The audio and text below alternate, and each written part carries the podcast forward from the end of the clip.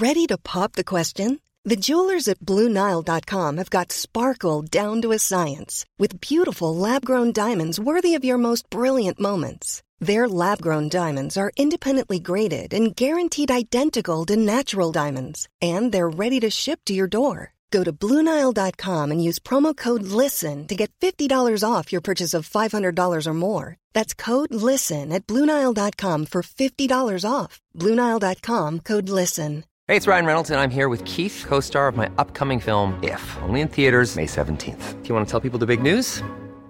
All right, I'll do it. Sign up now and you'll get unlimited for $15 a month in six months of Paramount Plus Essential Plan on us. Mintmobile.com slash switch. Upfront payment of $45 equivalent to $15 per month. Unlimited over 40 gigabytes per month. Face lower speeds. Videos at 480p. Active Mint customers by 531.24 get six months of Paramount Plus Essential Plan. Auto renews after six months. Offer ends May 31st, 2024. Separate Paramount Plus registration required. Terms and conditions apply if rated PG. I'm Sandra, and I'm just the professional your small business was looking for. But you didn't hire me because you didn't use LinkedIn jobs. LinkedIn has professionals you can't find anywhere else, including those who aren't actively looking for a new job but might be open to the perfect role, like me. In a given month, over 70% of LinkedIn users don't visit other leading job sites. So if you're not looking on LinkedIn, you'll miss out on great candidates like Sandra. Start hiring professionals like a professional. Post your free job on linkedin.com/people slash people today. Ann, vet du vad som nalkas snart? Sommarsol. Och min berömda midsommarfest. Det är din älsklingstradition. Och vad passar då inte bättre än att vi denna vecka sponsras av Rusta? Jag drog iväg till Rusta och gjorde, du vet, den här episka inköpskavalkaden. Alltså de har så mycket bord, stolar Dynlådor. och det roligaste av allt. lampor. Ja, lampor, mattor. Skakligt rätt. Gud vad man älskar det. För jag måste säga så här. Det spelar ingen roll hur fina möbler du har. Om du inte har lullullet, Mm. de fina ljusslingorna, ljusen, lyktorna, blommorna. Kuddarna, Nej, mattorna. precis. de det måste spegla Ja. livet, det underbara livet. Hörni, gör som vi. Gå in på Rusta och botanisera bland alla deras helt fantastiska utemöbler och allt sortiment av det vi väljer att kalla skatklitter för din sommarfest. Tack Rusta för att ni sponsrar Inte din morsa. Tack, vi är så glada.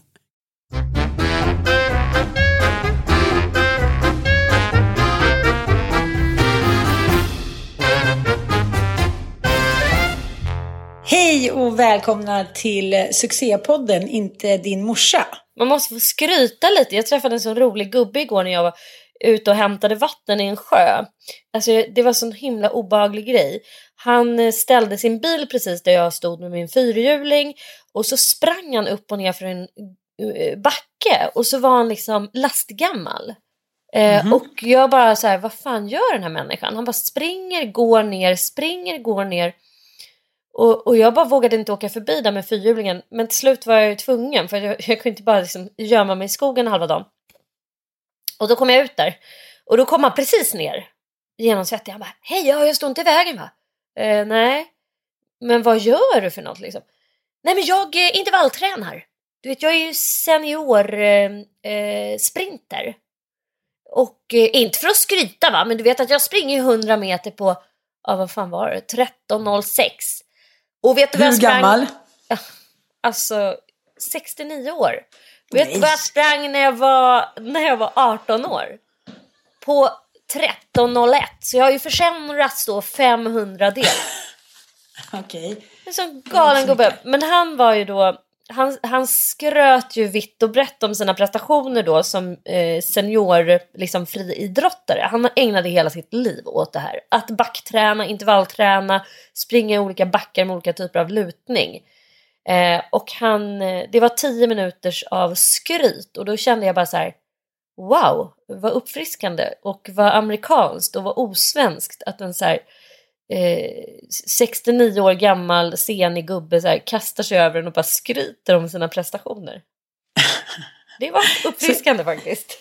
Ja, men alltså man är ju bara så ovan vid i det här landet. Det finns ju liksom, vi har ingen tradition av skryt, snarare tvärtom. Och jag, jag, om vi nu ska återkoppla då till, till Paolo Gate, så är väl det en del av hans liksom, eh, fall. Att det blev så himla, himla, himla eh, långt och hårt och eh, djupt. Att han har inte varit en vanlig svensk utan han har velat ha livet extravaganza och liksom, ja men vad ska man säga, anklagat andra som inte vill leva la vida loca och äta gott och träna och göra sitt bästa liksom. Så att eh, det är klart att fallet blir hårdare när man kritiserar andra. Om man ligger lågt så, så är det jävligt svårt att nå en på något sätt. Det är väl därför många också offentliga människor som vill ha cred, eller man ska säga, eh, inte sticker ut hakan liksom.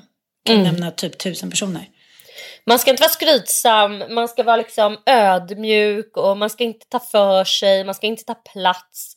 Gör man det så blir man genast liksom eh, hårt ansatt för eh, så här, det pekande fingret som eh, pekar dubbelmoral så fort man snubblar på ett bananskal. Eh, vilket ju är, alltså det spelar ingen roll vad man gör då som visar svaghet. För att går man och tuppar upp sig och eh, eh, kaxighet och liksom någon typ av så här styrkerustning på sig.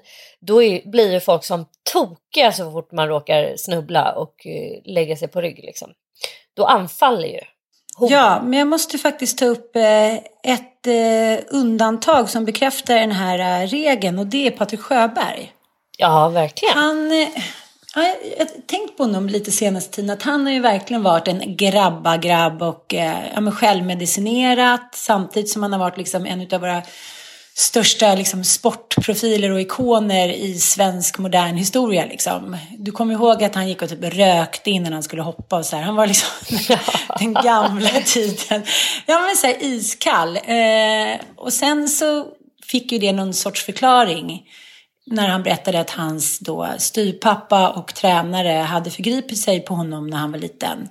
Mm. Och eh, efter det så har han jobbat stenhårt för barn och ungdomar som har råkat ut för i samma situation. Och eh, han lyckas på något sätt liksom kalibrera det här att han både är en machosnubbe som uttalar sig och tycker till och är ganska påläst tycker jag.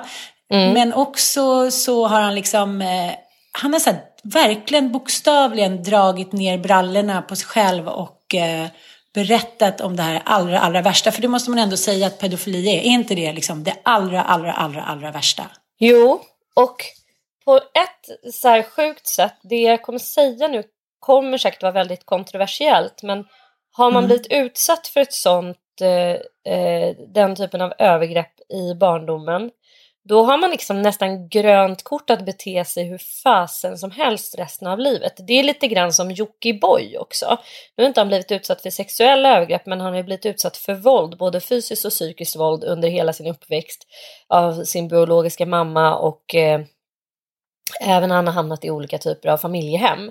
Och eh, det gör ju att liksom han har ju typ kunnat göra så mycket galna grejer under sin karriär och framförallt så är det så här han får skryta med Porschar, han får liksom, han är bara så här, fuck you, jag har varit med om det här och jag tänker göra vad fan jag vill av mitt liv. Jag har rätt att må bra, jag har rätt att vara lycklig, jag har rätt att bo i ett slott, jag har rätt att ha en Porsche typ.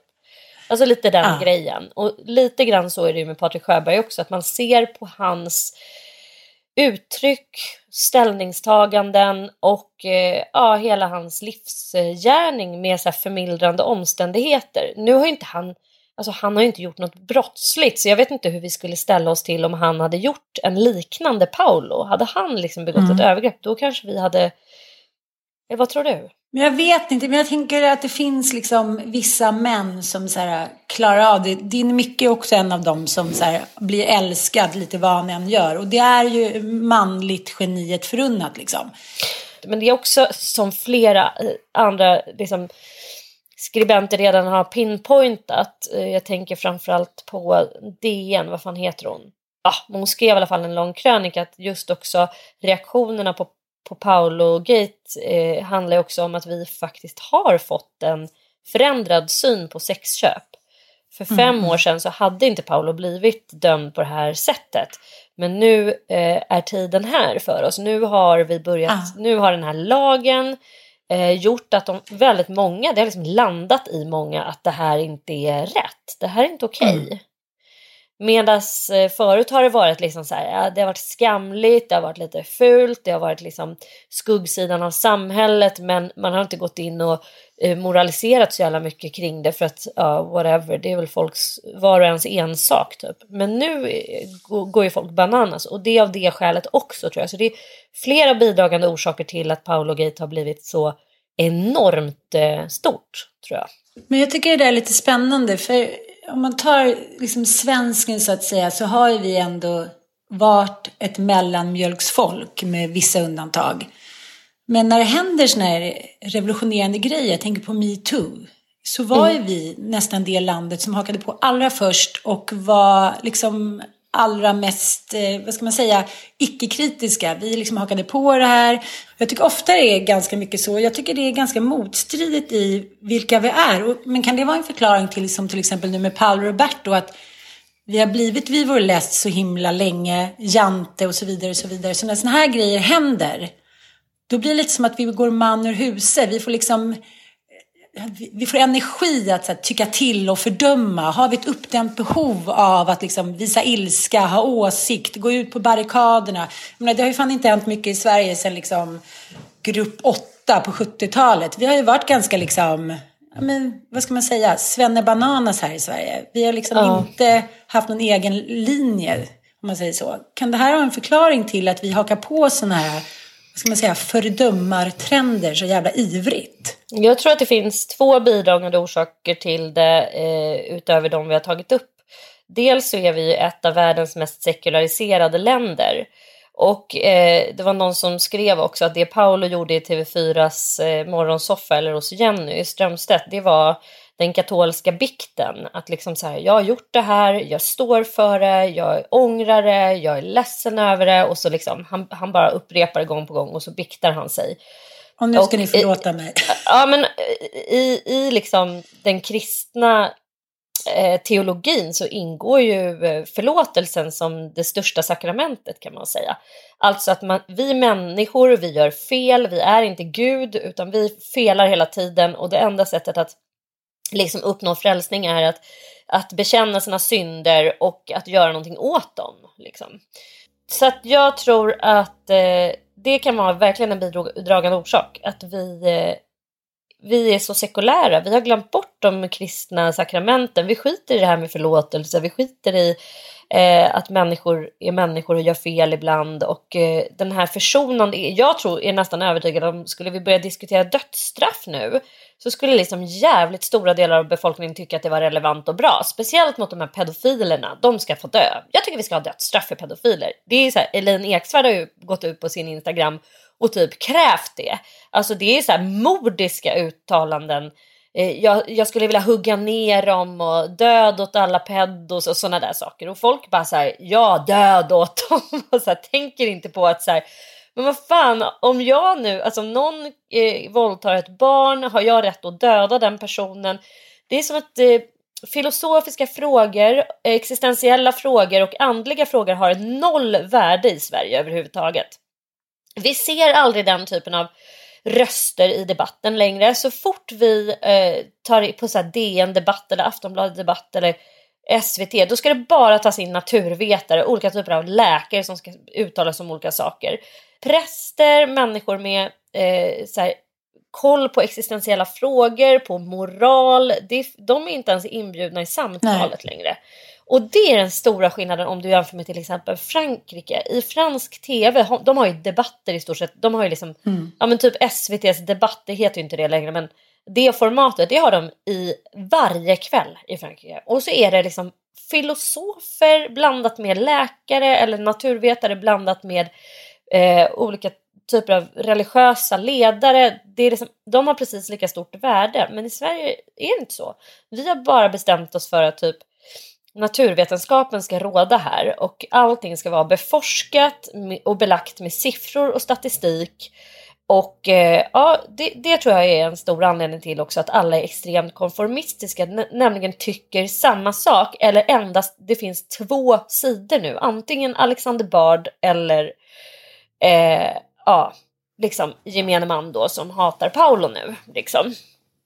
Ja, han har väl skaffat sig en advokat som står på hans sida också. Men, men i övrigt så är liksom samhället så här, det finns bara, och så var det ju väldigt mycket under metoo också. Det fanns bara ett enda sätt att ta sig mm. an metoo. Och tyckte man någonting annat, då skulle man så rullas i fjädrar, doppas i kära och då var man så här hatad. Och det, det fanns liksom ingen, eh, folk var ju rädda för att tycka fel, eh, att försvaga sina varumärken genom att inte då gå med i ledet. Och det tycker jag är en obehaglig eh, sida hos oss svenskar. Och eh, jag ska berätta en obehaglig men, men sann grej. Jag var på, när jag jobbade på Amnesty i mina ungdomsdagar, så jag gjorde ju min praktik där eh, på Amnesty Press och då gick jag ju på så här olika typer av föreläsningar på UD, alltså det var dagarna i ända olika typer av utbildningar och föreläsningar i allt möjligt. Och då gick jag på en föreläsning, eller en diskussion på Forum för levande historia.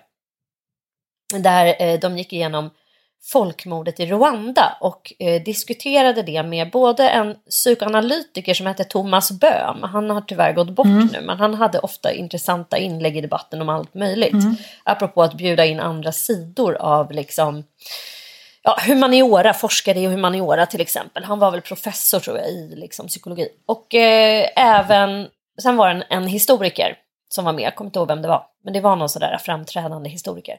Och då gick man igenom så här, hur kunde det här ske i just Rwanda, i detta lilla land? Eh, och framförallt, i vilka andra länder skulle det kunna ske så att man kan, så att man kan mm. eh, förebygga? vet du vilka länder det skulle kunna ske? Jag bara Sverige. Ja, Sverige och Tyskland. De hade identifierat via, med sin forskning eh, och också gått igenom alla olika typer av statsskick och eh, eh, alltså styrande politiker och så politiska färger och hur, hur skolsystemet framförallt har varit byggt och mm. även liksom att man har ett utbyggt system för sändning av radio. och det har ju vi i Sverige. Alltså P1 ja. är ju gud liksom. Eh, det, det, det som sägs i P1 är Guds ord och det är lag och det följer vi. Och precis så hade ju britterna lyckats skapa Rwanda. De, alla människor i Rwanda hade tillgång till radio och när då eh, jag kommer inte ihåg vad, vad liksom den alltså regering som tog över som, eh, som eh, anförde folkmordet. Men det var ju så de kommunicerade ut till befolkningen hur, hur de skulle gå ut och mörda sina grannar mm, mm. via radio. Och också att man dels inte säger, eh, ifrågasätter och dels att det finns bara ett sätt att tycka. Och det är det här. Och det, det är så här sammanströmningar som har funnits historiskt sett i Sverige och i Tyskland. Och i Sverige har det ju gått bra, för vi har ju ofta haft tendensen att tycka liksom bra grejer för varandra. Men mm, mm. Eh, det, skulle, liksom, det skulle kunna ske där. Och det ska man tänka på, och det är det som gör mig också jag mår fysiskt illa av eh, Paolo Gate. Att liksom folk bara så här, skiter i hur gal... Alltså de, det är bara så här, den här korpstilen. Att man aldrig tänker så här, den som är fri från skuld kasta första stenen. Så här, stopp och tänk innan du går ut på din Facebook och bara skriver för att du vill vara en av dem som är goda. Mm. Håll käften istället liksom. Eh, ett tag innan du kan säga någonting genomtänkt och klokt och någonting som gör att vi liksom får en vidgad blick på världen tänker jag. Och eh, detsamma gäller ju i, under metoo. Jag, jag mådde dåligt då också. Jag tänkte så här, tur att mamma inte lever nu för att hon hade bara hon hade typ blivit krossad för att hon faktiskt var en modig människa som ofta eh, vågade så här, ta avstånd från populistiska åsikter eller från ja, gemene man, alltså det som är så här, mm, jag sätter upp fingret och bara just nu ska man ju tycka det här eller tycka att det här är snyggt. Nu ska alla lägga ut bilder som ser ut som Rembrandt, eh, Amish, Sofia Wood, Elsa Billgren liksom. Då blev hon tvärtom och bara ville typ eh, ha så 70-talsinredning. Alltså hon hatade det där konformistiska, folkliga, lite så här övre medelklassiga. Kärring mot strömmen. Ja, då ville hon vara kärringen mot strömmen och skulle ha så här Pippi Långstrump-kläder på sig då. Bara så här, och hon ville inte eh, simma med strömmen. Det vill jag hedra henne för. Så under metoo, då lovar jag dig att hon hade blivit så här extremt åt andra hållet eller någonting. Men jag tänker på, eh, om vi ändå är inne på dubbelmoral, vilket Mm. kanske är så här, det är inte bara svenskens bästa gren, det är väl egentligen nästan hela världens befolknings bästa gren. Jag tänker på skillnaden på katolicismen och eh, kristendomen är just det där att eh, påven står ju mellan människan och Gud eh, liksom, i katolicismen och i, i, inom kristendomen så är vi själva närmast Gud. Och Du menar inom inte- Luthers, alltså Luthers Ja, precis. precis. Och jag vet inte eh, vad som är bäst liksom. Men jag, jag tror att det är kanske därför som att det är en förklaring till att det har varit liksom mer accepterat i, i länder som Frankrike där det är så här kreti och pleti. Att det är så här, man, ja men det, ja men kommer få, typ att man, man har en älskarinna eller älskare. Jag, vet, jag tycker inte att det är något rätt, men, men hej Frasse, men jag tänker just att det finns ju som klart förklaringar till allt. Och det är som du säger, om vi ska nu ta upp den rasistiska liksom, delen av det här så är det klart att om det hade varit till exempel Patrik Sjöberg eller inte vet jag, kanske, ja men ta vilken, ta någon fotbollssnubbe, behöver inte nämna några namn överhuvudtaget som hade gjort En fotbollssnubbe som hade köpt sex. Det hade inte folk brytt sig ett skit om, det kan jag lova dig. Herregud, vi har ju, vad heter han, Magnus Hedman köpte ju sex. Ja, det var men Det, det blev ju liksom, men det var ju så här kombination, hans karriär var över. Men hade någon så här toppspelare i typ Hammarbys A-lag eller i, A, eller i AIK, en toppspelare i AIK hade köpt sex. Det, ingen hade gjort en grej av det. Det är så här, vad fan det är sport. Jag, jag tror faktiskt inte det. Om vi ska vara helt ärliga, liksom Jennifer Wegerup skrev ju en krönika i Expressen. Hon har ju jobbat som sportjournalist jävligt länge där. Och det har ju min pappa också. Han jobbade under 30 år Det är under 70, 80 och 90-talet. Och säga vad man vill, men det har inte varit någon bra kvinnosyn på svenska kvällstidningar. Och hon skrev ju i en krönika om att det var så här men det var liksom gängse att även tjejerna fick höra om hororna som köpte. Så nu måste man ta efter det här stora VM så måste man ta lugna ner sig och varva ner lite med en hora. Det är liksom, det är ingenting som har varit så här, Vad var det han sa Frank Andersson? Varför åkte du till Las Vegas egentligen? Kuken ska ha sitt. Just det.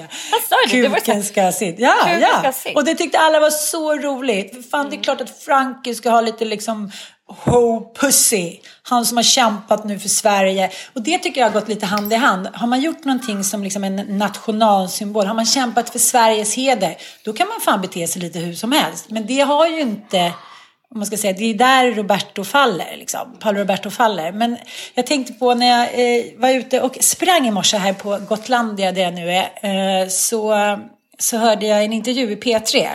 Och då intervjuade de eh, den här killen som har vunnit Big Brother, Mm. Sami. Yes. Jag har inte följt, jag har inte följt Big Brother överhuvudtaget, har du det?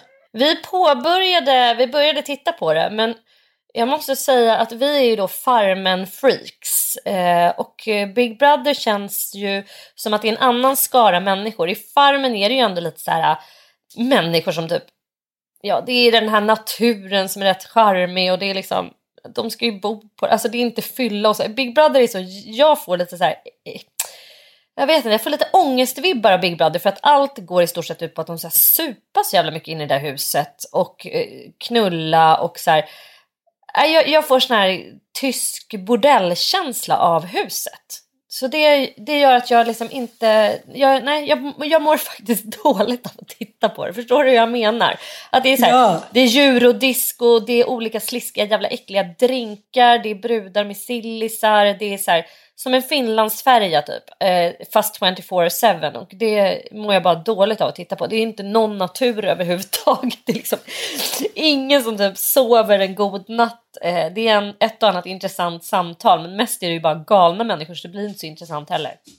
Nej, jag har inte Nej, men följt det, men däremot har jag ju följt, jag har ju följt debatten om Sammy, att det var flera då, både programledare men framförallt eh, de som satte den här, eh, vad heter det, inte juryn utan de som ska här, sitta och tycka om dem. Typ Moa Wallin är en av dem, hon hoppade inte av men sen var det ett gäng som hoppade av på grund utav Sammys då bakgrund. Ja, men, men här så eh, säger ju TV4 ingenting utan de eh, försöker ju städa undan genom att ha, de bokade ju då en tid till honom hos tatueraren lite snabbt så han skulle bli av då med sina hakkors. Så att det inte skulle Berätta, lika alltså, tydligt. Ja, men, ja, men vem är den här Sammy man? Han, han har då varit någon typ av nazist.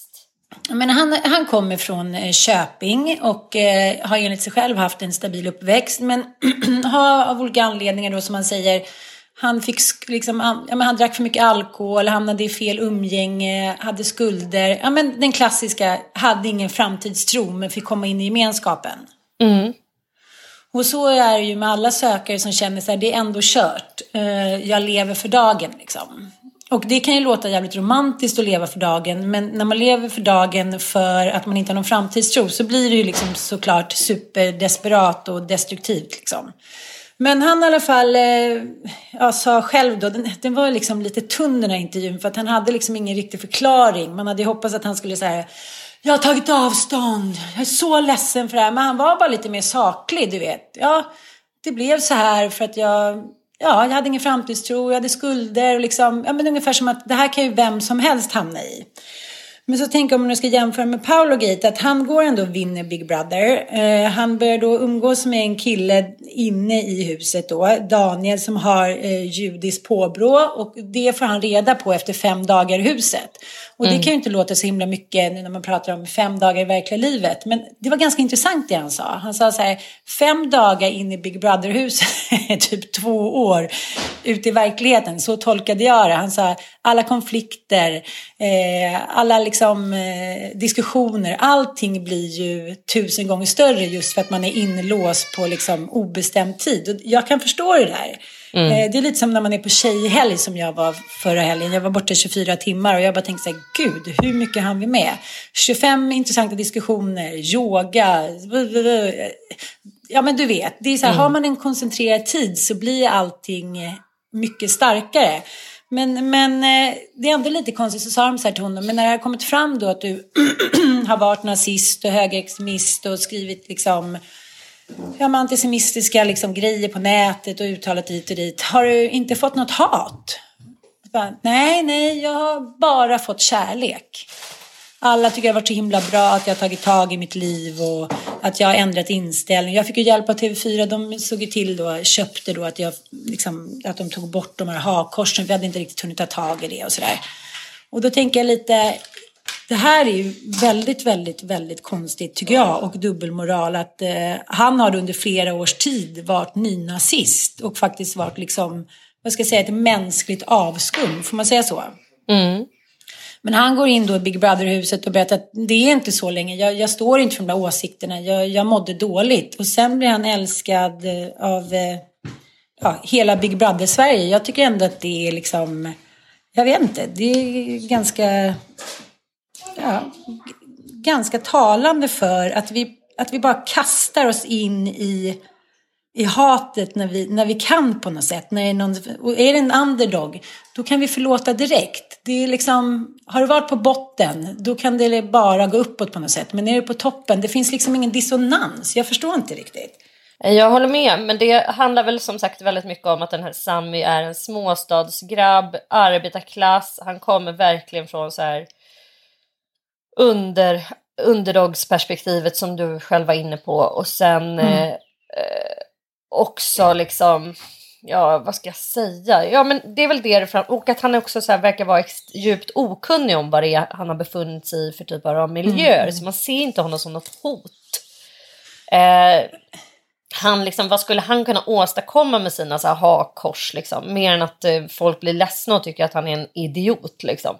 Men i övrigt så har han ju ingen som helst reell makt över någon annan människa förutom över sig själv och med den typen av tatueringar så är man ju liksom sedd som en jävla paria i resten av samhället. Man kan ju aldrig få ett jobb med den typen av tatuering på sig till exempel och man blir ju eh, betraktad som en galning rent ut sagt. Alltså typ som att man är sinnessjuk. Som har Men då måste så. det ändå vara så att så här, klasshatet är så mycket, mycket mer utbrett och liksom på något sätt befäst i Sverige än vad vi vill låtsas om idag. Jag tycker det här ger uttryck för det. Att så här, arbetargrabbarna, de ska ha förlåtelse, de ska få en andra chans. Jag tänker också på Camilla Läckberg liksom. Mm. Och det här med Hedda Care som vi har pratat om. Mm. Att liksom, man ska säga kultureliten eller bara journalister och liknande, de, de älskar ju att hata Camilla Läckberg. Liksom.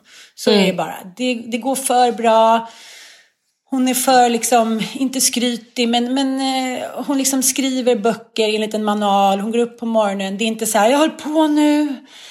Liksom, hon är okreddig, men det är också så här, jag tror att det Ja. handlar väldigt mycket om att om du blir vid din läst som arbetarklass, som typ Sammy, du fortsätter att bo i Köping och tjäna liksom din a-kassa och eh, har på dig leopard eh, hoodie liksom och någon ful keps och har mustasch och liksom är obildad och så.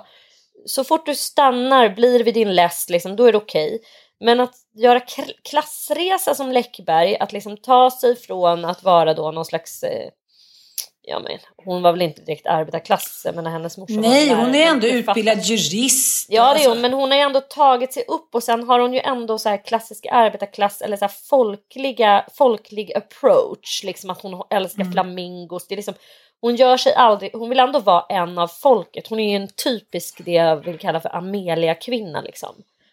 Eh, jag är en Hon helt vanlig tjej som bara så här, Ja. Ja, med hjälp. Men sen har ju hon samma, samma approach som Paolo på det sättet att hon är väldigt självgod. Jag har fått hennes nya bok, Fej, Mm. Kvingar och silver. Mm. Och herregud, det är alltså en läsning i... Alltså det, det jag vill säga om boken, det, den är säkert jättebra men jag läser ju inte thrillers och deckare överhuvudtaget. Jag har väldigt Nej, svårt för det. heller. Men jag har ändå läst nu i stort sett halva boken och det jag saknar totalt i den här Face, eh, liksom roll, rollbeskrivningen av Faye, Faye, det är ju självkritik. Det här är ju en perfekt människa. Det är som att Camilla Läckberg, eh, hon tar ju tillfället i akt att eh, inte bara på sitt Instagramkonto då skryta om sitt perfekta liv, eh, sin perfekta stjärnfamilj, sitt perfekta boende, hennes härliga poler av olika slag, hennes härliga umgänge med alla dessa fantastiska systrar och hitan och ditan. Hon är ju väldigt, för, tycker, håller du inte med om det? Att hon är väldigt lik Jo. Paolo där. Alltså, Men var inte, nu har jag varit uppe och jobbat, var ingen syltrygg. Men för henne är det liksom, Mm, det är mycket det här skrytet och hon försvarar varenda jävla litet livsval hon har gjort. Och det finns ingen så här ånger eller typ så här, fuck. Ibland är hon lite trött för då har hon råkat göra för mycket för andra människor. Typ. Jag orkar inte, jag måste få stänga av nu för nu har jag liksom varit ute på landet och jag är alltid den som går runt och fixar. Och jag vill ju att alla ska må bra och ha det bra och då går det lätt överstyr. Alltså du vet den. Hon är självgod, det är Paolo också. Och, då, och sen har de också gjort en enorm karriärsresa. Hon är för fan mång, mång miljonär om hon inte Ja, börjar bli helvete vad hon har kört på. Nej, men hon är ju typ så här Europas mest bäst säljande deckarförfattare. Vi kan liksom inte förstå storheten hos Camilla Läckberg och det måste vi ge henne. Men det som jag tror att kultureliten och liksom den högsta kasten, det de föraktar och förmodligen är superavis på, det är att hon är som en jävla maskin. Hon har ett bra liv, hon går ändå upp varje morgon, hon skriver en jävla ny bestseller som säljer miljoner exemplar varje år. Det är liksom, hon tycker inte att det är kreddigt att säga att det tog sju år att verka ut en bok. Hon är inte liksom hon är inte den som sitter på DNs kultursidor och säger så här, nu kommer covid-19. uh, eh, jag kan inte skriva då som Carol Joyce Oates. Hon, hon är så här, jag går upp, jag kör min skit. Sen tänker jag så här att hon är väldigt älskad av kvinnor och det tror jag också beror mycket på en grej som en spaning som jag har tänkt på. När du går upp och ner och pendlar i vikt, då är du precis som en själv, du är inget hot. Jag har tänkt på det flera gånger när jag och mitt ex separerade och jag gick ner massor i vikt och började använda lite kortare kjolar. Och man gick på en middag, helt plötsligt för att man var smal, så var man också ett mycket större hot. För det är som att vi kvinnor har skapat i vår värld att smala kvinnor är framgångsrika och sexiga. Vilket jag tror inte alls är liksom på det sättet som män känner. Det har jag, i alla fall inte jag någon erfarenhet av. Så det är så här, är du smal, då är du också framgångsrik. För då är det ingenting som går till spillo. Det är inte så här att du har en dålig... Ja, du har inte en dålig karaktär när du är smal. Och då blir du automatiskt ett hot. Så då tänker jag så här, Camilla är tjejernas tjej. Men hon är liksom för framgångsrik. Jag tänker med Hedda Care, om det hade varit någon annan som hade gjort tagit initiativet med att sälja eh, ja, men, ja, men såna här tester till allmänheten, då hade ju det uppmuntrats och hurrarop så som min snubbes Wearlabs gör nu. Alla välkomnar de här självtesterna så vi äntligen kan ta tag i det här med covid-19. Men när Camilla Läckberg gör det, då är hon liksom, eh, då ska det tyckas ner och då är det ett hot mot demokratin och hon borde ta sig liksom i kragen och sko sig på det här. Men det är bara, jag fattar inte. Det, det är ungefär som Anna Bok. Fast där, där måste man återigen tycker jag, så här, hon får fan skylla sig själv. Precis som att Paolo lite grann får skylla sig själv över att fallet blev så stort för honom. För att han gick ut och mm. pratade om det på det där sättet i den där intervjun. Mm. Bad for you. Samma sak med Läckberg när hon går ut och tar avstånd från Hedda Care där hon själv är delägare. Ja, är och deras försäljning av tester. Man bara varför gjorde hon mm. det? Vilken idioti. Hon bara går ut och gör någon så här bisarr grej på Instagram i någon impulshandling liksom. Mm. Eh, där borde hon ha haft Kristina Saliba tänker jag vid sin sida som bara nej det kan du inte ja. göra, stopp och belägg nu tänker vi till lite här hur vi ska lägga fram det här. För hade hon bara så här lagt en replik att så här, självklart, vi har sålt tester till vården, nu är vårt mål att sälja till allmänheten. Och vi mm. står för det, vi tycker det är skitviktigt att man får testa sig. För att nu, nu har det ju visat sig att det finns massa tester men att regionerna liksom inte har fått Ja, men de lyckas ju inte liksom, eh, de lyckas ju inte testa människor i alla fall. Vilket är helt galet. I Stockholm är det enda sättet för en medborgare i Stockholm att ta test eh, för att slippa smitta Eh, sina fellow typ familjemedlemmar och eh, ja, med andra människorna kring sig. Det är att gå och mm. fixa ett test själv och det är fan mm. inte klokt. När liksom alla andra länder i hela världen, det handlar om att utöka testningen för att minska smittan.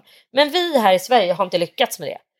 Och så är det bara. Och så här, ja men då är det väl toppen om det är några företag. Vi har ändå massa privatvård i Sverige som inte kan ta hand om covid-19 patienter eller avlasta den andra vården för de har inte den kompetensen, de har inte den inriktningen på sina kliniker. Alltså vi har ju massor med kliniker som bara står tomma som också håller på att gå under på grund av corona.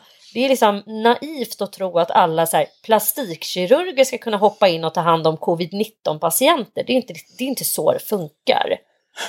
Eh, men... och det, jag menar, så att där gjorde hon ju, hon, hon, liksom, hon, hon, gjorde, hon bidrog ju till, till sin egen... Ja, alltså, sitt eget fall. Så det, ja, sitt eget fall. Mm. Men i övrigt, tänker, alltså jag måste ju säga att jag är en av de som... Jag, jag, älskar ju Camilla Läckberg för att hon är precis som den här gubben som jag träffade igår, eh, extremt osvensk och är sådär skrytsam och självgod och har massor med så här S i rockärmen för hon är också extremt komplex liksom. Hon, mm. hon är också lite grann som min mamma, så här, kärringen mot strömmen. Att så här, när alla hatar Anna Wahlgren, för hon var ju också en person som gick, och det är, det är, en, det är en mer typiskt fall tycker jag, att få se en så här, den här onda, eh, typ, alltså vad ska man säga, prototypen som finns i alla Disney-filmer, den onda äldre kvinnan, sann, styvmodern, att ja, få se snövit. dem falla, snövit. Liksom. Li, ja.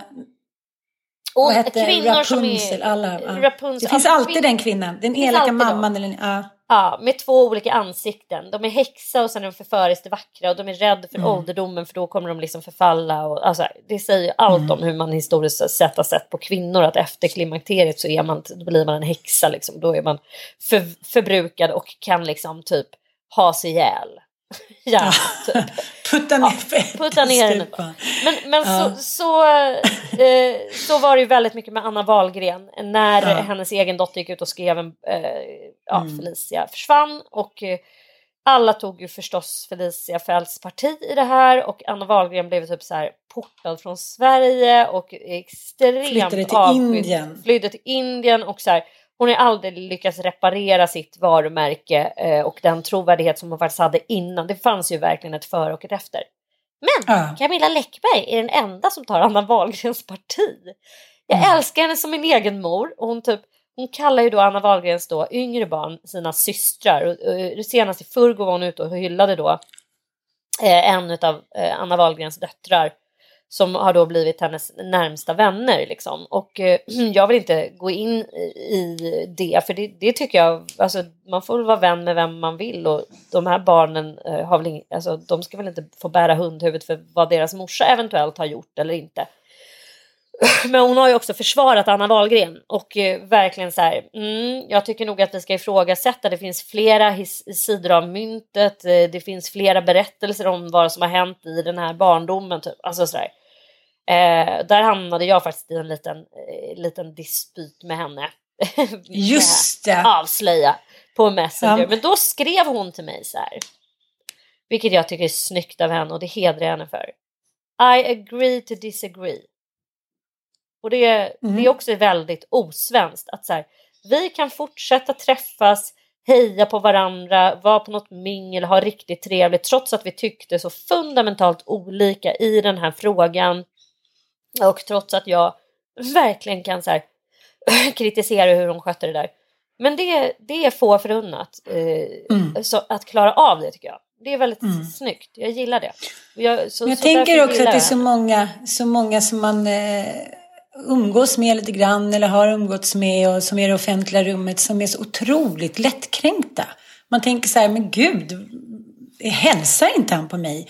Det var ju typ 15 år sedan jag sa att han kanske inte var lika bra skådis som en av Sveriges bästa skådisar och liknande. Du har ju också varit med om samma sak. Att man mm. är så här, men gud, hur länge ska vi gå omkring och vara arga? Vi rör oss in liksom ankdamm där alla pratar om alla och det är poddar och radio och intervjuer och det är tv hit och dit. Och ändå det vissa människor som liksom aldrig går vidare. Mm. Jag tycker det är en sån konstig liksom, eh, inställning till så här, men inte kanske får man ge sig in i leken så får man leken tåla, men lite så tycker jag. Och där tycker jag faktiskt att Camilla Läckberg är ett föredöme, till skillnad mot kanske Paolo då, som bara tycker att allt han säger och gör är rätt liksom. Men det kanske ja, men hon, är också, hon så här, att Läckberg har inga skelett i garderoben. Det kanske ja. är just det det handlar om, att hon inte har Ja, men förstår lite vad jag menar? Ja. Och om man ja. har skelett i garderoben då måste man ju liksom köra jävligt hårt på sin linje för att det inte ska bli någon glipa eller att någon ska komma in och mm. avslöja. Men är man bara så här, kör hårt och rakt och hit och dit, då, ja men lite som Läckberg faktiskt gör. Jag menar hon, jag, mig veteligen så är hon en, en ganska reko person liksom. Så som jag har träffat henne. Hon vill inte utge sig för att vara någonting annat. Hon vill vara liksom mer nästan arbetarklass än vad hon är på pappret. Och killarna hon väljer, hon väljer liksom en polis och nu har hon en kille som håller på med kampsport. Det är liksom inga finrum här utan alla är välkomna och det tycker jag man ser på hennes Instagram också. Alla är verkligen välkomna in i Camilla Läckbergs liv. Och det mm. kan ju såklart bli påfrestande. Det har hon ju skrivit mycket om. Efter varje sommar är hon ju ett vrak.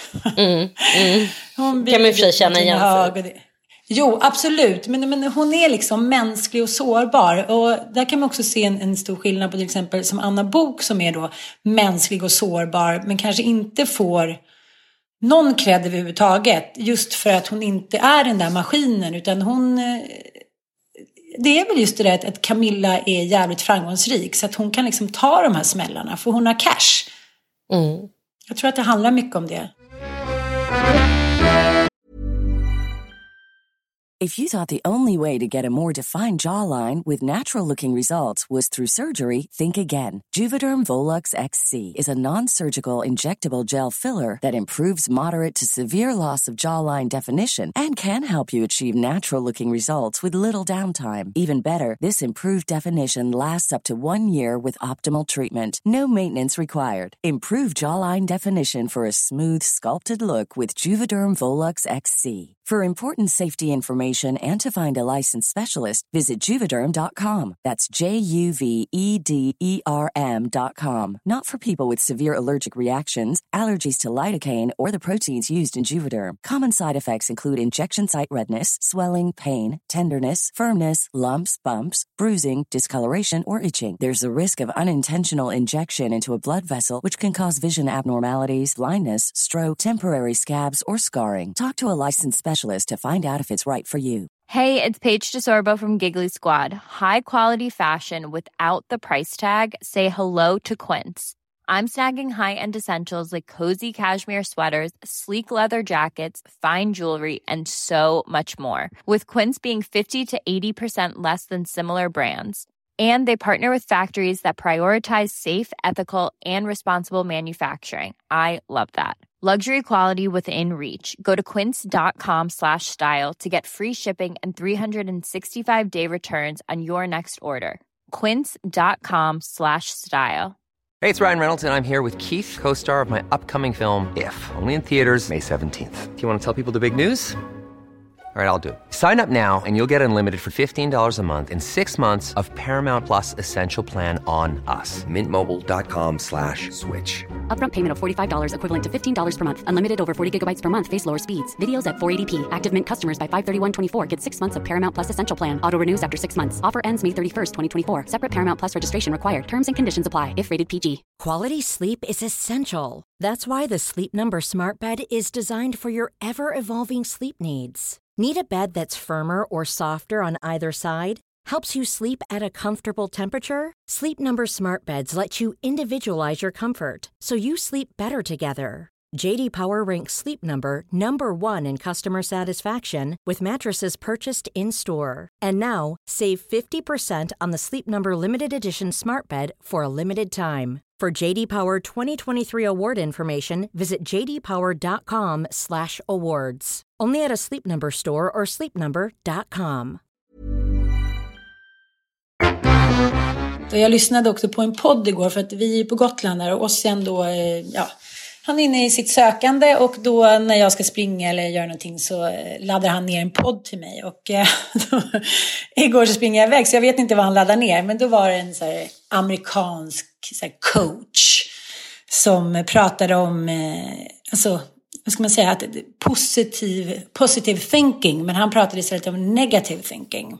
Mm. Och han hade jobbat med de bästa, Selena Gomez och alla sportstjärnor i USA. Så här. Och de blev så jävla frustrerade för det här med positive thinking funkade inte riktigt. Så de var tvungna att vända på steken och se så här, varför påverkar liksom negative thinking oss i så extremt stor utsträckning? Att när man känner så här, det är kört, då kan man liksom intala sig själv på en sån här otrolig, det påverkar en så jävla mycket. Och då sa han, om man säger någonting, liksom speak it out loud, då påverkar en 40 till 70 gånger så mycket mer om det är en negativ tanke än om det är en positiv tanke. Och jag tycker det där är så extremt spännande för att det är jävligt lätt att säga. Många människor de vill ju tömma sig hos andra människor för att bli av med sin negativa energi och sen kan de bara gå vidare. Det vet ju du och jag också, man har bråkat med folk och så tänker man så här, men gud hur går vi vidare med det här nu? Nu kommer det vara dålig stämning i veckan och gud vi kanske måste prata med någon. Så bara, hej hej, ska vi käka middag eller ska vi ses och eh, jobba lite eller godnatt? Man bara, eh, oj, vad hände nu? Vi har precis haft så här, århundradets mest tärande bråk. Mm. Det är liksom ett system för många att de, så här, de själva öser ur sig. Och eh, jag tycker det är jävligt intressant, tankens kraft ändå. För han berättade en historia, för jag har varit lite nojig senaste tiden. För min mamma gick ju bort när hon var 49. Mm. I livmodercancer, hon skulle precis fylla 50. Och eh, då sa Ossian så här, men du får inte hålla på och tänka så. Det är klart att du inte kommer eh, drabbas av samma sak och sådär. Jag sa, nej, jag, nej det, så kanske inte är. Men så tänkte jag på en historia som jag också har blivit lite besatt av med Göran Tunström som är en av Sveriges genom tiderna också största författare. Han har gjort juloratoriet bland annat. Och eh, var gift med Lena Kronqvist som är typ min stora eh, konstnärsidol. Han dog ju i cancer. Så hans son Linus då blev ju liksom helt besatt av det där att han också skulle drabbas av det här. Mm. Och eh, då gjorde han det. Och då berättade, för att ha liksom tankens kraft, när man tänker negativt att det ska ske, så till slut så blir det liksom som en, eh, ja men på något sätt uppfyllande Självuppfyllande profetia. Ja. Ja. Och jag tyckte det var jävligt spännande. Då berättade de om en historia för att den här killen som man intervjuade i den här podden, hans pappa var en här galning. Han, han eh, lev, liksom, var så här 40-talist som ägnade sitt liv åt att eh, ja, men, forska inom positive and negative thinking. Och då var det en historia som han hade blivit berättad för när han var liten. Att det var en kille som hade blivit inlåst i en sån här frysbil.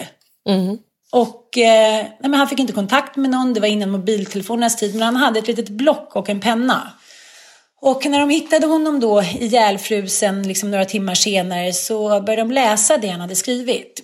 Och då stod det så här, jag kommer dö, det finns ingenting kvar, det här kommer gå åt helvete, jag är döende nu, jag håller på att frysa ihjäl. Alltså han, han skrev verkligen, han var väldigt negativ. Han tänkte att det här finns inte en chans att jag kommer överleva.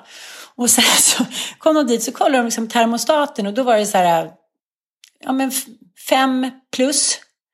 Så det fanns liksom ingen fysisk orsak till att han skulle ha dött. Han hade liksom skrivit sig själv till döds. Ja, jag förstår. Fan vad spännande. För. Så jävla spännande. Och det är allt det här med men de pratar om det här med placebo, positive thinking inom cancersjukdomen och det finns någon så här otroligt helande kraft. Och jag bara tycker att det där är så fascinerande just det. Jag har ju åkt till Gotland nu och bara man får ett geografiskt avstånd och börjar så här, man hinner tänka, man har inte alla barn. Tanken upptar ju, liksom, man tänker ju hela tiden, det är positivt och negativt och så bestämmer man sig för att man ska säga det positiva och negativa. Men, men det som var så himla bra också tycker jag i det här var att eh, den här forskaren sa att man kan tänka de här negativa tankarna men om man säger dem, liksom, speak it out loud, det är då de får det här 40 till 70 procent liksom, större styrka i att det kommer hända eller att det kommer bli negativt hit och dit. Och jag, jag fick bara en sån läxa i att det är så lätt som häromdagen skickade jag till Mattias. Ah, det är så jobbigt hit och dit. Här, fem i elva precis innan han skulle gå och lägga sig. För han hade gjort det till mig dagen innan. Att man, så här, att man ska tänka på det där med att de här negativa krafterna. Fan vad det rör till liksom för en. Det vet ju du själv. Man hamnar mm. i bitterhet, man tycker synd om sig själv. Du och jag har båda varit i de situationerna. Men, men tänk på Nelson Mandela och allihopa. Så här, hur fan har de klarat det? De har liksom inte uttalat för sig själva att de har hamnat i en sån kritisk situation. Det är väl det som har fått dem att, att liksom ändå kunna må bra i såna här horribla situationer. Liksom. Jag vet inte hur du tänker. Du, du är ju väldigt på ett bra ställe i livet tycker jag. Tänker du något på så negativt och positivt tänkande? Så här? Men jag, generellt har jag, har jag haft i mitt liv eh, Eh, låg oro och låg, jag har inte liksom generaliserad ångest eller förväntansångest eller att jag går runt och tänker att saker ska gå åt helvete och sånt där. Det har jag liksom aldrig haft.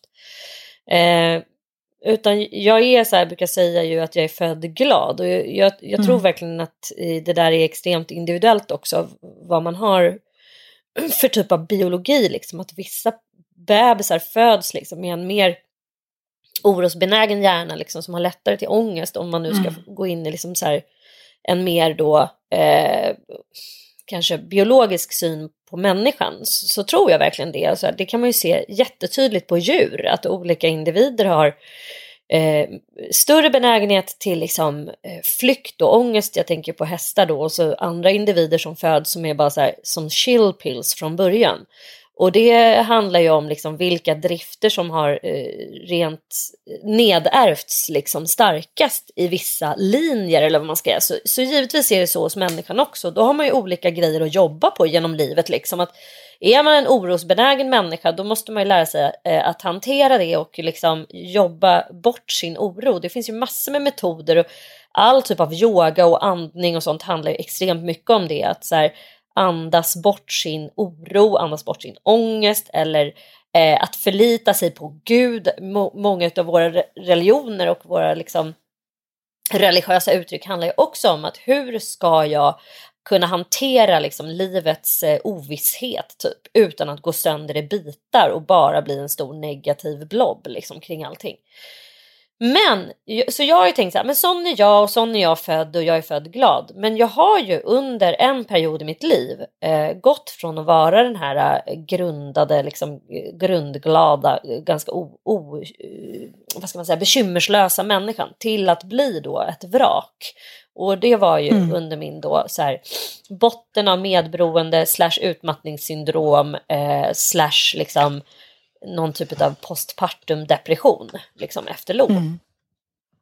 Och då var ju jag en, en bara extremt ångestfylld person. Alltså det tog ju sig i sådana uttryck att jag var rädd för människor, var rädd, blev rädd för hundar, var extremt orosfylld kring bara att typ så här, ta färjan till Gotland. Jag kan tänka, jag, jag, jag, blev väldigt aktiverad kring den där perioden för att jag håller ju en cirkel på Studieförbundet Vuxenskolan om just medberoende. Och då, under vår, det är liksom sex eh, kvällar, eh, och de läser vår bok och utgår ifrån den som studiematerial och då har jag ju läst boken och då läste jag liksom kapitlet om liksom att nå sin botten. Och, så jag har varit, liksom funderat jävligt mycket på hur det var då, för det är lätt hänt så här eh, tio år senare att man, det är inte så att jag går runt och tänker på det. Men fan vad jag mådde dåligt och fan vad livet var en plåga för mig. I konstant oro, konstanta negativa tankar, verkligen. Och... Eh, hur tog du ur det då? Ja, men det som gjorde att jag tog mig ur det, det var att det på något sätt så fanns det, dels så hade jag en så tanke i, jag hade två såna här affirmationer faktiskt och det här är så sjukt att så här, det finns någonting friskt i en som bara ger en två affirmationer. Det är så här, det kommer att gå över, det kommer att gå över. Du vet det var så här, jag vaknade på morgonen och så bara vaknar man upp så bara shit jag har fet jävla ångestklump i bröstet, jag vill bara gråta. Då sa jag till mig själv, det kommer att gå över. Bara för att liksom mm. lugna den där känslan av att allt är kört liksom. Och att här, jag kan inte ens gå upp med mina barn till dagis för jag får så här, panikångest på vägen dit. Ah, det kommer ah. att gå över, det kommer att gå över. Sen sa jag den här larviga, efter regn kommer solsken. Alltså det är, är inte det en gammal psalmstrof? Jo, men det är också så här, ah. det kommer att gå över, efter regn kommer solsken. Och sen sa jag också så här, det är bara sorg. Alltså jag tänkte att så här, den här sjuka ångesten jag har, alltså som gör att jag är rädd för att köra bil, att åka båt till Gotland, att eh, åka, gå över broar. Jag hade ju så här fobier för fan. Nej, jag vet, för allting. Jag vet. Jag vet som är helt sjukt. Hästar, Allt det var jag bara så här, hästar? Jo, jag blev ju jätterädd för att rida under ett år. Jag kunde inte rida. Alltså, det var liksom helt bisarrt. Och det, det var så här, det kommer att gå över, efter regn kommer solsken, det är bara sorg. För att kunna hantera det där. Och eh, det var, alltså faktiskt eh, tror jag en stor del till att det började vända. Sen var, var det massor med andra skäl också. Men det jag vill säga, liksom hela min kropp var ju i alltså negativa tankar. Yes ma'am. Alltså du vet, jag fick ju, mm. det var ju då jag fick hypotyreos första gången. Jag hade liksom hjärtproblem. Alltså hela jävla kroppen mm. går ju sönder av att man psykiskt mår sådär dåligt. Och sen så börjar det där göda varandra. Så att liksom, har du hjärtklappning så får du ju sjuk ångest.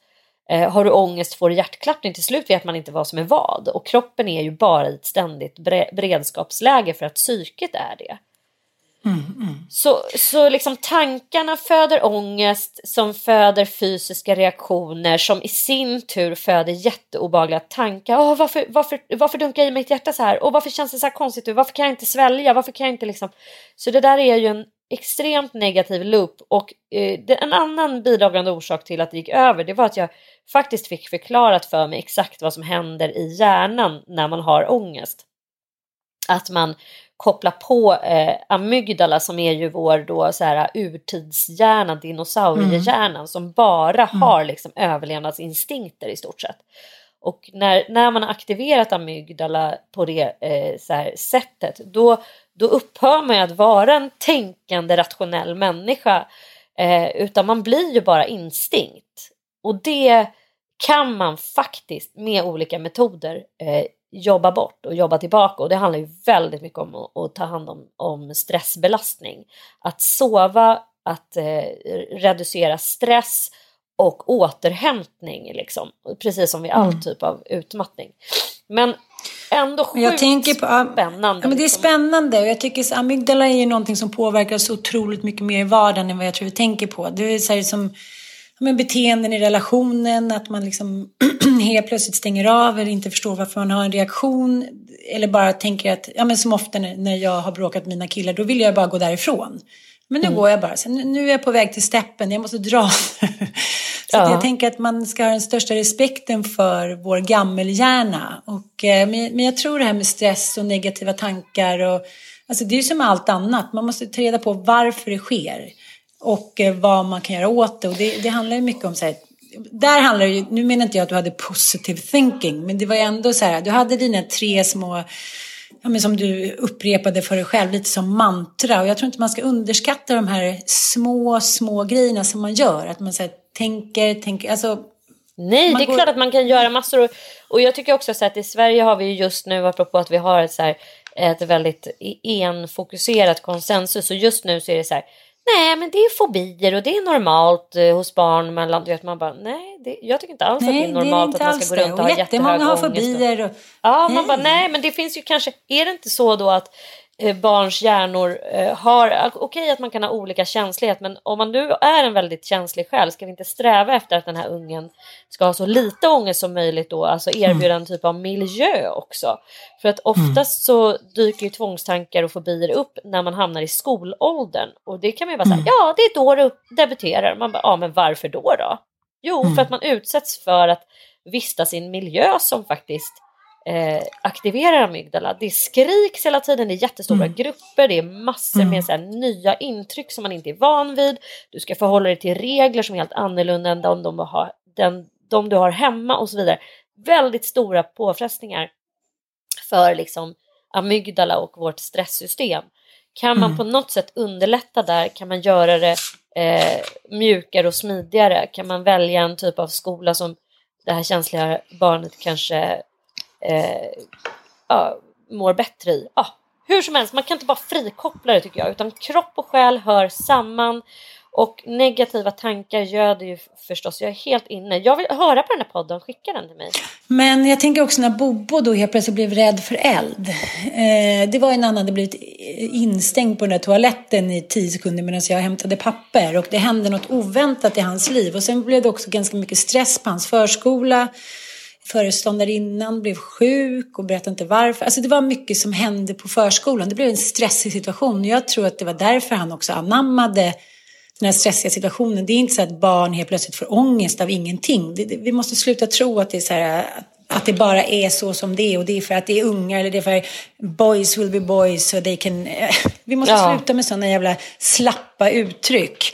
Och eh, ja, nej, men nu är vi här nu. Det är också så här roligt, nu är jag på Gotland, nu har jag suttit och poddat. Klockan är ändå så här, vad är klockan? 11.27. Mm, nej, men det, de kan inte göra frukost eller så här. Då väntar de till jag är klar. Okej. Det är klart. Ja, men vi ska också säga att vi har fått in massa, massa förlossningshistorier. Nu blev det eh, inte tid för det, men i nästa avsnitt så ska vi berätta om eh, alla de här underbara Vi kommer ha förlossningshistorierna vi har tema förlossningar tycker jag. Nästa. Ja, vi så jävla ju det. spännande. Och är- eh, nu har det ju varit mors dag igår, men vi vill ändå eh, uppmana er alla där att eh, gå in på läkarmissionen.se och eh, köpa en säker förlossning eller swisha 90 00 217 för en säker förlossning. kostar 180 kronor och då får en kvinna och ett barn ett garanterat säkert förlossningstillvägagångssätt i ett utsatt område. Och det, det är inte mycket pengar, det är det inte. Nej det är det inte. Det är världens bästa gåva oavsett om det är till mors dag som ju redan har passerat. Men framförallt födelsedagar, namnsdag eh, eller bara herregud släng in en slant. Speciellt i dessa coronatider när alla andra frågor är väldigt överskuggade. Så känner jag bara så här herregud vi får inte glömma bort eh, de, den, de andra liksom viktiga kamperna som förs runt om i Nej. världen. Så säkra förlossningar för alla. Helt klart. Okej då, då blev det en lång podd i vanlig ordning. Vi har så mycket att säga varandra. Ja, men det är så härligt. Fan, jag älskar att prata om det. Jag, gör- alltså verkligen. Det, det är som att man bara så här, åh, jag brukar säga det till Micke ibland. Alltså han, han är ju en underbar människa, jag älskar honom på alla sätt och vis. Men alltså han är inte så intresserad av analys, att så här, vrida och vända på olika saker och så här. Han kan göra det till en viss mån, sen blir han jättetrött på mig. Jag kan ju liksom hålla på och dissekera mänskligt beteende i timmar. Och då, de enda personerna som, jag, som går igång på det lika mycket som jag, det är du och Olga. Så jag har pratat med henne här nu i 40 minuter på morgonen. Hon ska ju ha studentmottagning den åttonde.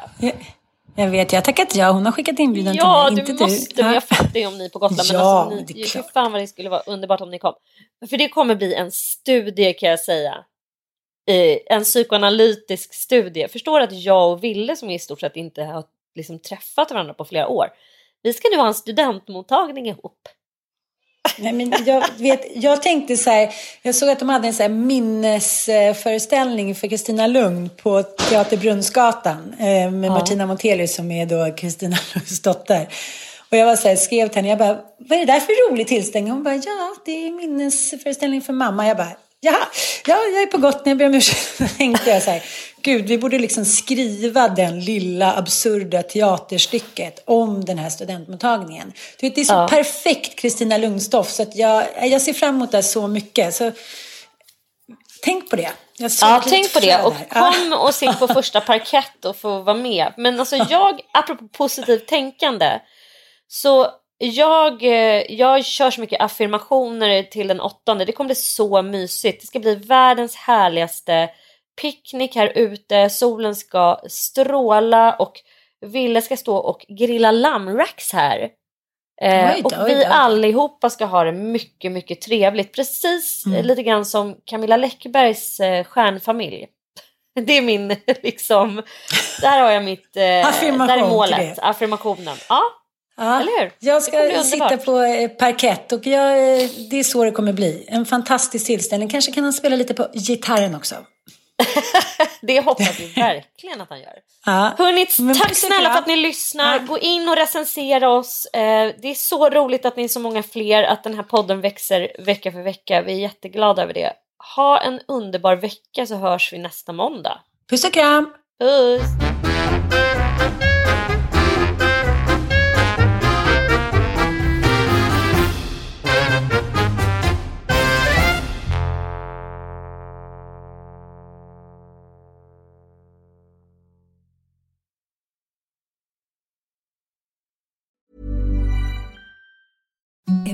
Softest sheets you've ever felt. Now imagine them getting even softer over time. That's what you'll feel with Bowl and Branch's organic cotton sheets. In a recent customer survey, 96% replied that Bowl and Branch sheets get softer with every wash. Start getting your best night's sleep in these sheets that get softer and softer for years to come. Try their sheets with a 30-night guarantee. Plus, get 15% off your first order at bowlandbranch.com. Code BUTTERY. Exclusions apply. See site for details. Hi, I'm Daniel, founder of Pretty Litter. Cats and cat owners deserve better than any old fashioned litter. That's why I teamed up with scientists and veterinarians to create Pretty Litter. Its innovative crystal formula has superior odor control and weighs up to 80% less than clay litter. Pretty Litter even monitors health by changing colors to help detect early signs of potential illness. It's the world's smartest kitty litter. Go to prettylitter.com and use code ACAST for 20% off your first order and a free cat toy. Terms and conditions apply. See site for details. Even when we're on a budget, we still deserve nice things. Quince is a place to scoop up stunning high-end goods for 50 to 80% less than similar brands. They have buttery soft cashmere sweaters starting at $50, luxurious Italian leather bags, and so much more. Plus, Quince only works with factories that use safe, ethical, and responsible manufacturing. Get the high-end goods you'll love without the high price tag with Quince. Go to quince.com slash style for free shipping and 365-day returns.